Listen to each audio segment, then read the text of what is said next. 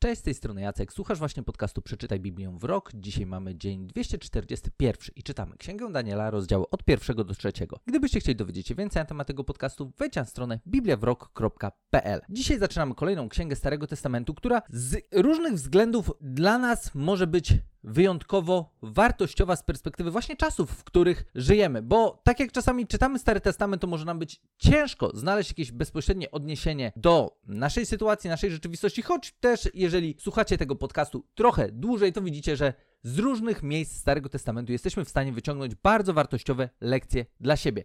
Niemniej jednak Księga Daniela w tym względzie się trochę wyróżnia i o tym też będziemy rozmawiać w kolejnych odcinkach. Dlaczego to właśnie Księga Daniela może być dla nas szczególnie wartościowa i szczególnie zachęcająca z perspektywy świata, który nas otacza, z perspektywy tych czasów, w których żyjemy. I teraz, jeśli chodzi o Księgę Daniela, tak bardzo ogólnie, to o Danielu często mówi się jako o proroku. I co więcej, jest on uznawany za jednego z tak zwanych proroków większych, więc być może pamiętacie, wcześniej jak czytaliśmy, mieliśmy Izajasza, Jeremiasza i Ezechiela i obok nich stawiany jest również Daniel. Jednak też, jak już tutaj pewnie zauważyliście, Księgę Daniela mamy dopiero w tej części tak zwanych pism, bo tak jak to też już wielokrotnie mówiłem, a dla tych, którzy być może zaczęli słuchać stosunkowo niedawno, czytając Biblię od początku do końca, czytamy Stary Testament w takiej kolejności, jak jest ułożony kanon hebrajski, Mianowicie najpierw mamy Torę, później proroków i później tak zwane pisma. I Daniel właśnie zalicza się do tych pism, choć w, swoim, w swojej treści jest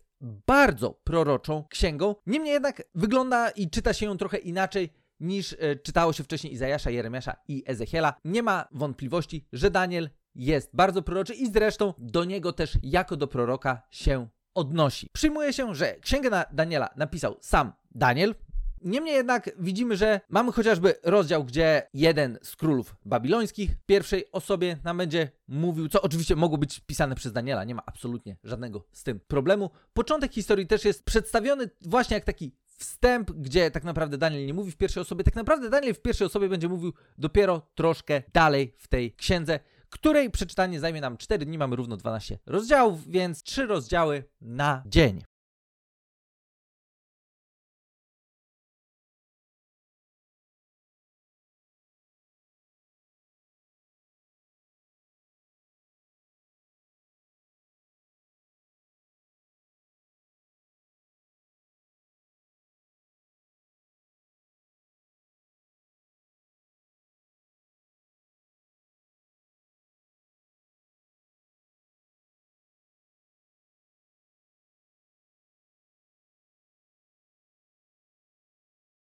Jedna z rzeczy, która odnośnie Daniela jest dosyć ciekawa, to jest to, że ta księga jest głównie znana z kilku historii, które dzieją się na jej początku, czy w pierwszej części. I w zasadzie, jeśli byście otworzyli jakąkolwiek Biblię dla dzieci, to szansa jest ogromna, że znajdziecie tam właśnie historię z księgi Daniela, jak na przykład ekipę wrzuconą do płonącego pieca, czy Daniela w jamie lwów, bardziej Daniela w jamie lwów, to jest, to jest taka bardzo Danielowa historia. I z tego też powodu nie wiem, czy, czy to nie jest tak, że właśnie Księgę Daniela kojarzymy z takich, wiecie, fajnych historyjek. I ja jakby w żaden sposób nie śmieję się z tych historyjek i nie chcę ich tutaj dyskredytować w jakikolwiek sposób, tylko że jednak nasza optyka na tę księgę zmienia się przez pryzmat tego, jak ona jest przedstawiana młodym czytelnikom Biblii, jeżeli jakkolwiek przedstawiano wam Biblię, kiedy byliście młodzi, nie wiem, rodzice wam czytali, czy dziadkowie, no to być może właśnie z tego kojarzycie Księgę Daniela. Niemniej jednak to naprawdę jest dużo grubego materiału. To jest naprawdę bardzo poważna księga, na tyle też poważna, że niektórzy nazywają ją też apokalipsą Starego Testamentu. I dlaczego to zobaczycie, ale ogólnie chodzi o to, że te obrazy, które będą się też pojawiały, takie prorocze obrazy w księdze Daniela, będą też miały sporo swoich później odniesień, czy będą znowu może w pewien sposób, może nawet inspiracją do tego, jak zostały opisane niektóre rzeczy w księdze objawienia świętego Jana, tudzież tak zwana apokalipsa, tak jak my ją najczęściej znamy. Więc jest tutaj trochę też połączeń takich nowotestamentowych ku zaskoczeniu absolutnie nikogo. Tym bardziej, że Daniel właśnie będzie nam mówił dużo na temat przyszłości. I to jest coś, co też sprawia, że Księga Daniela jest bardzo ważna, żeby ją właściwie uchwycić. Choć oczywiście rozmowy na temat przyszłości, nawet z naszej perspektywy, no wcale nie jest taka prosta sprawa, o czym już się przekonaliśmy przy okazji innych ksiąg, gdzie mierzyliśmy się z różnymi proroctwami. Niemniej jednak, teraz, żeby narysować nam trochę historii tego, gdzie jesteśmy, kim jest Daniel, skąd on się wziął i dlaczego też on postacią jest tak szczególną, chciałbym, żebyśmy zaczęli czytać Księgę Daniela od pierwszego rozdziału. Przeczytamy sobie kilka pierwszych wersetów po to, żeby wiedzieć, gdzie my w ogóle jesteśmy. I teraz, w trzecim roku panowania Jehoiakima króla judzkiego nadciągnął Nebukadnesar, król Babilonu, do Jerozolimy i obległ ją. I Pan wydał w jego ręce Jehoiakima króla judzkiego oraz część naczyń z domu Bożego, a on wywiózł je do ziemi Shinear, do świątyni swojego Boga i wniósł te naczynia do jej Król rozkazał też Aszpenazowi, dowódcy swojej służby dworskiej, aby sprowadził chłopców izraelskich pochodzących z królewskiego lub książęcego rodu. Chodziło mu o chłopców bez jakiejkolwiek wady, pięknie zbudowanych, bystrych i mądrych, posiadających wiedzę, zdolnych w nauce i silnych na tyle, by mogli służyć w pałacu królewskim. Rozkazał nauczyć ich pisma i języka chaldejskiego. Król wyznaczył im dzienny przydział żywności z kuchni dworskiej oraz wino z dworskich składów i polecił kształcić ich przez trzy lata, a po tym okresie stawić ich przed sobą. Wśród chłopców judzkich znaleźli się m.in. Daniel, Hananiasz, Miszael i Azariasz. Przełożony służby dworskiej Zmienił imiona, Danielowi dał na imię Belteszazar, Hananiaszowi Szadrak, Miszaelowi Meszak, a Azariaszowi Abednego. Natomiast Daniel postanowił w swoim sercu, że nie będzie kalał się potrawami królewskiego przydziału ani winem z królewskich składów, zaczął więc zabiegać u przełożonego służby dworskiej, by pomógł mu uniknąć skalania. I Bóg sprawił, że przełożony służby dworskiej odniósł się do niego łaskawie i ze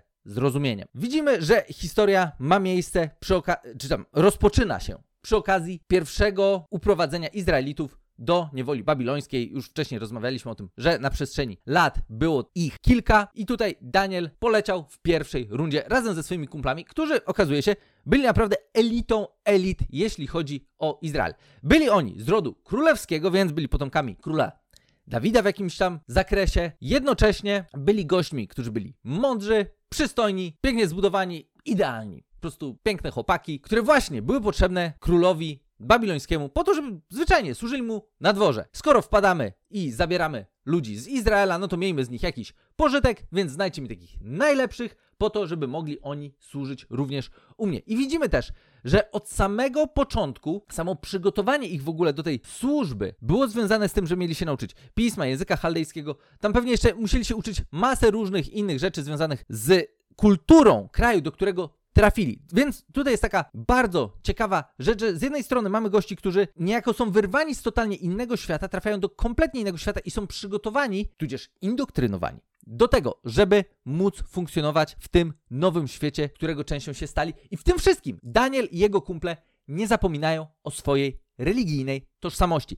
Nie zapominają o tym, skąd są, nie zapominają zasad, które im przyświecały, kiedy jeszcze byli w Izraelu. I to też widzimy od razu na samym początku, gdzie jest właśnie historia z tym, że Daniel decyduje, że nie chce jeść tego, co król mu daje, bo to są potrawy skalane. W związku z tym stara się o to, żeby nie musiał tego robić, za sprawą Boga, który, czytamy, sprawił, że przełożony służby dworskiej odniósł się do niego łaskawie i ze zrozumieniem. Daniel ma opcję, że w tej konkretnej historii dostaje tylko i wyłącznie warzywka i stąd też pojawia się koncept tak zwanej diety Daniela. Od taka ciekawostka możecie sobie wygooglować, co to jest dieta Daniela, ale też możecie się domyślać, o co w niej chodzi, bo przez 10 dni najpierw Daniel miał próbę. Ten sługa chciał sprawdzić w ogóle, stary, czy ja później nie będę miał przerąbane za to, że wy jacyś tacy niedożywieni jesteście, że w ogóle nie dojadasz i wyglądasz jak chuchro jakieś, a tutaj jesteś takim poważnie dobrze wyglądającym zawodnikiem. Oczywiście, ku zaskoczeniu nikogo z nas, okazuje się, że Daniel wygląda świetnie, dieta mu wyszła na zdrowie, prezentuje się zawodowo, w związku z tym pierwszy pierwsza sytuacja, w której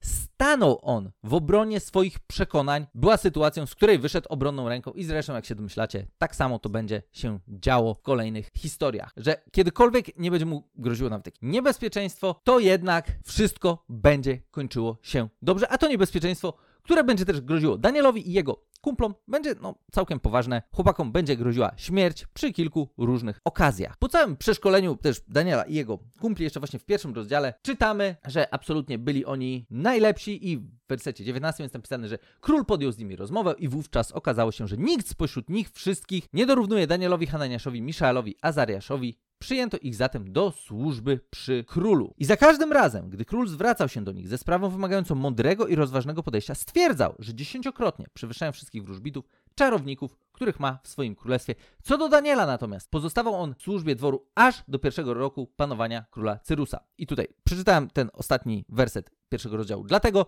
żebyśmy też od razu wiedzieli o jednej ważnej rzeczy. To nie jest tak, że Daniel jest jakimś młodzieniaszkiem, nastolatkiem, przez cały czas trwania tej księgi. Ona po prostu rozciąga się przez kilkadziesiąt lat. Więc później w historiach, w których my ciągle możemy gdzieś z tyłu głowy mieć takiego, wiecie, młodego Daniela, to to już jest poważny facet, który jest już bliżej końca życia tak wiekowo niż jego początku, a kiedy chłopaki były uprowadzone do niewoli babilońskiej, no to mieli oni w granicach gdzieś 15 lat plus minus, nie wiem, 1-2. Tak się ich wycenia, jeśli chodzi o ich wiek.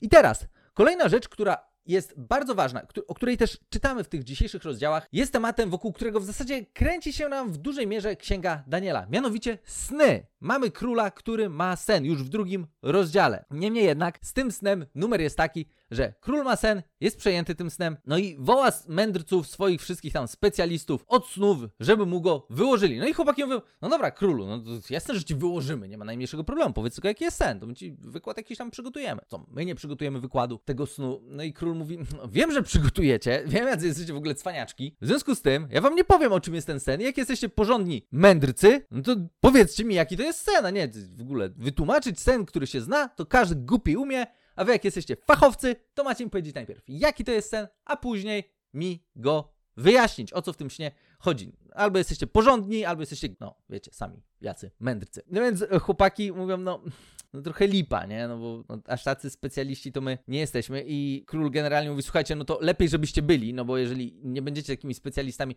to zwyczajnie będzie was to kosztowało wasze życie, bo takich mędrców ja tutaj nie będę opłacał w swoim królestwie. W związku z tym chłopaki mają niemały problem, no i oczywiście próbują tłumaczyć królowi i mówią w wersecie 11 chociażby, a, czyli nawet od 10, na to mędrcy chaldejscy odezwali się w te słowa, nie ma na ziemi człowieka, który byłby w stanie spełnić życzenie króla, a też nigdy żaden król, jakikolwiek wielki i potężny o taką rzecz jak ta nie prosił żadnego wróżbity, czarownika czy innego mędrca. Rzecz, której król się domaga jest trudna, nie ma nikogo, kto wyłożyłby ją królowi, Oprócz bogów, ale ci przecież nie mieszkają między śmiertelnymi. Król się wściekł i kazał chłopaków stracić. Co jest ciekawe, z tej odpowiedzi, którą tutaj dostaliśmy, też być może już wam się przypomniała pewna historia, być może nie, ale jest jeszcze jeden gość w Starym Testamencie, który również bardzo się zasłużył pewnemu władcy właśnie z uwagi na to, że potrafił wytłumaczyć mu jego sen. Zresztą nie tylko tego władcy, wcześniej tak naprawdę y, kłopoty miał z powodu tego, że jakieś tam sny też sam chłop miał, więc poza tym, że miał sny, to jeszcze umiał wytłumaczyć sny, trochę tak jak u Daniela, a tamtą postacią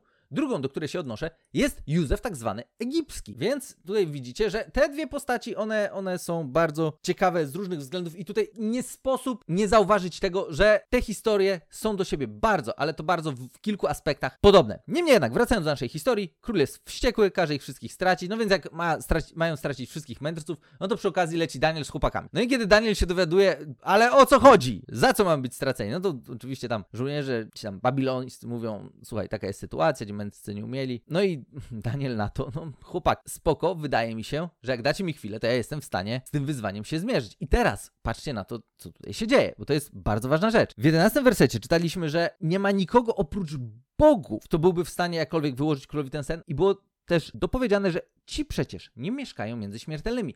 Widzimy kulturę, w jakiej funkcjonujemy. Kulturę, która też nie wiem, czy w jakimś zakresie nie jest podobna do tego, jak często dzisiaj też patrzy się na Boga. No niby jest, ale go nie ma. Abstrahując do tego, że generalnie dzisiaj żyjemy w czasach, gdzie próbuje się tego Boga gdzieś totalnie zignorować i udawać, że po prostu nie ma i tyle. Niemniej jednak, jak już ma być, no to, no to jest, ale jego jest daleko, on nie jest, nie interesuje się ludźmi. No takie spojrzenie też na Boga jest. I to było dokładnie to samo, co myśleli sobie ludzie w Babilonie w tamtych czasach. No okej, okay, dobra, są jacyś bogowie, ale oni nie mieszkają między śmiertelnymi. Ups, jaka zmyłka. Bo oto okazuje się, że Daniel, kiedy dowiaduje się o całej tej hecy, dostaje trochę czasu, przedstawia swoim kumplom sytuację i czytamy, że chciałby uprosić Boga Niebios o miłosierdzie z powodu tej tajemnicy, tak by nie stracono ani jego Daniela, ani jego przyjaciół wraz z pozostałymi mędrcami babilońskimi. I wtedy w nocnym widzeniu została Danielowi objawiona tajemnica, uwielbił on za to Boga Niebios. No i tam mamy tę pieśń uwielbienia. Niemniej jednak, ważna rzecz dla nas tutaj jest taka i od niej właśnie chciałbym, żebyśmy zaczęli w ogóle czytanie Księgi Daniela. Księga Daniela w pewien sposób pokaże nam, w jaki sposób funkcjonować totalnie obcej i wrogiej nam kulturze, kiedy żyjemy blisko Boga. Bo Daniel, podobnie jak wcześniej wspomniany Józef Egipski, to są goście, którzy naprawdę doszli do bardzo znaczących pozycji, bo po tej historii oczywiście z tym całym snem, sen jest wyjaśniony,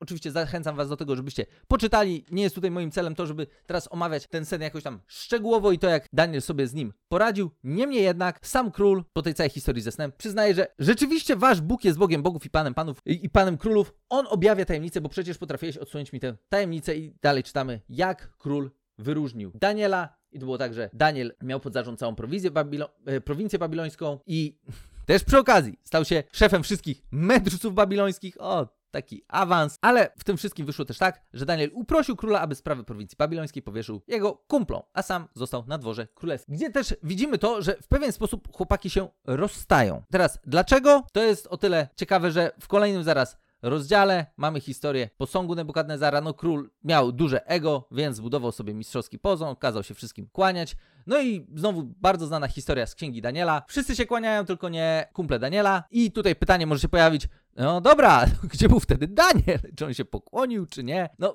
widzieliśmy, że ich drogi się rozeszły, więc może być tak. Teraz tak, nie wiemy, gdzie był Daniel. No nie wiemy, nie ma tego napisane w żaden sposób, ale może spokojnie być tak, że zwyczajnie Daniel gdzieś tam, nie wiem, był na tyle blisko króla, że nie, nie musiał się na przykład kłaniać. Jakkolwiek widzimy, że tutaj historia z konsekwencjami tego, że się nie pokłonili posągowi, e, głównie na kumplach Daniela, którzy właśnie, to jest też przy okazji, nie wiem czy zwróciliście uwagę, którzy ciągle są nazywani przez całą księgę w zasadzie tymi imionami babilońskimi, które im nadano, które też bezpośrednio odnoszą się do e, różnych tam bóstw babilońskich, Szadrach, Meszach, Abednego. I w ogóle, jakbym teraz nawet nas spytał, yy, pamiętacie jak się nazywały chłopaki yy, kumple Daniela w wersji takiej oryginalnej hebrajskiej? No to no, raczej nie kojarzymy, bo to tylko na początku się pojawiło, a później przez całą księgę do nich się odnosi jako właśnie do Szadraka, Meszaka, Abednego. Przy, przy czym Daniel też dostał swoje babilońskie imię, ale przez całą w zasadzie księgę mówimy o Danielu. To nie mówię, że w tym jest jakaś magia, po prostu od taka ciekawostka. Wracając do historii. Z posągiem chłopaki się nie kłaniają, w związku z tym mają wylądować w piecu ognistym. No i w tym piecu numer jest taki, że nawet ci niektórzy żołnierze, którzy mieli ich tam wrzucić, spłonęli tylko zbliżając się do tego pieca. Chłopakom nic się absolutnie nie stało i na koniec król rzeczywiście przyznał, że no dobra, wygląda na to, że ten wasz Bóg to jest naprawdę poważna sprawa po tym, co tutaj zobaczyłem. Tyle z mojej strony, jeśli chodzi o taki ogólny wstęp do księgi Daniela i też początku tej historii, którą mamy w dzisiejszych rozdziałach. Sądzę, że dla nas wszystkich ta księga będzie zachęcająca, inspirująca. Da nam ona właśnie dużo też takiej zachęty do tego, żeby żyć odważnym życiem. O tym zresztą, jakie lekcje możemy z tej księgi wyciągnąć, pewnie na koniec sobie to podsumujemy. Niemniej jednak księga jest fajna, będzie się ją czytało świetnie, szczególnie w pierwszej części, bo jak dojdziemy do snów i tej kwestii proroczej, to, to tam już to czytanie znowu, okej, okay, będzie, będzie może pewne wyzwanie, ale mam nadzieję, że będziemy w stanie też z tego wyciągnąć właściwe lekcje, które pomogą nam żyć jeszcze lepszym życiem w świecie, który nas otacza. Tyle z mojej strony na dzisiaj. Gdybyście mieli pytania, wejdźcie na stronę bibliawrok.pl, możecie też do mnie napisać na adres jacekmałpa bibliawrok.pl i do usłyszenia w kolejnym odcinku.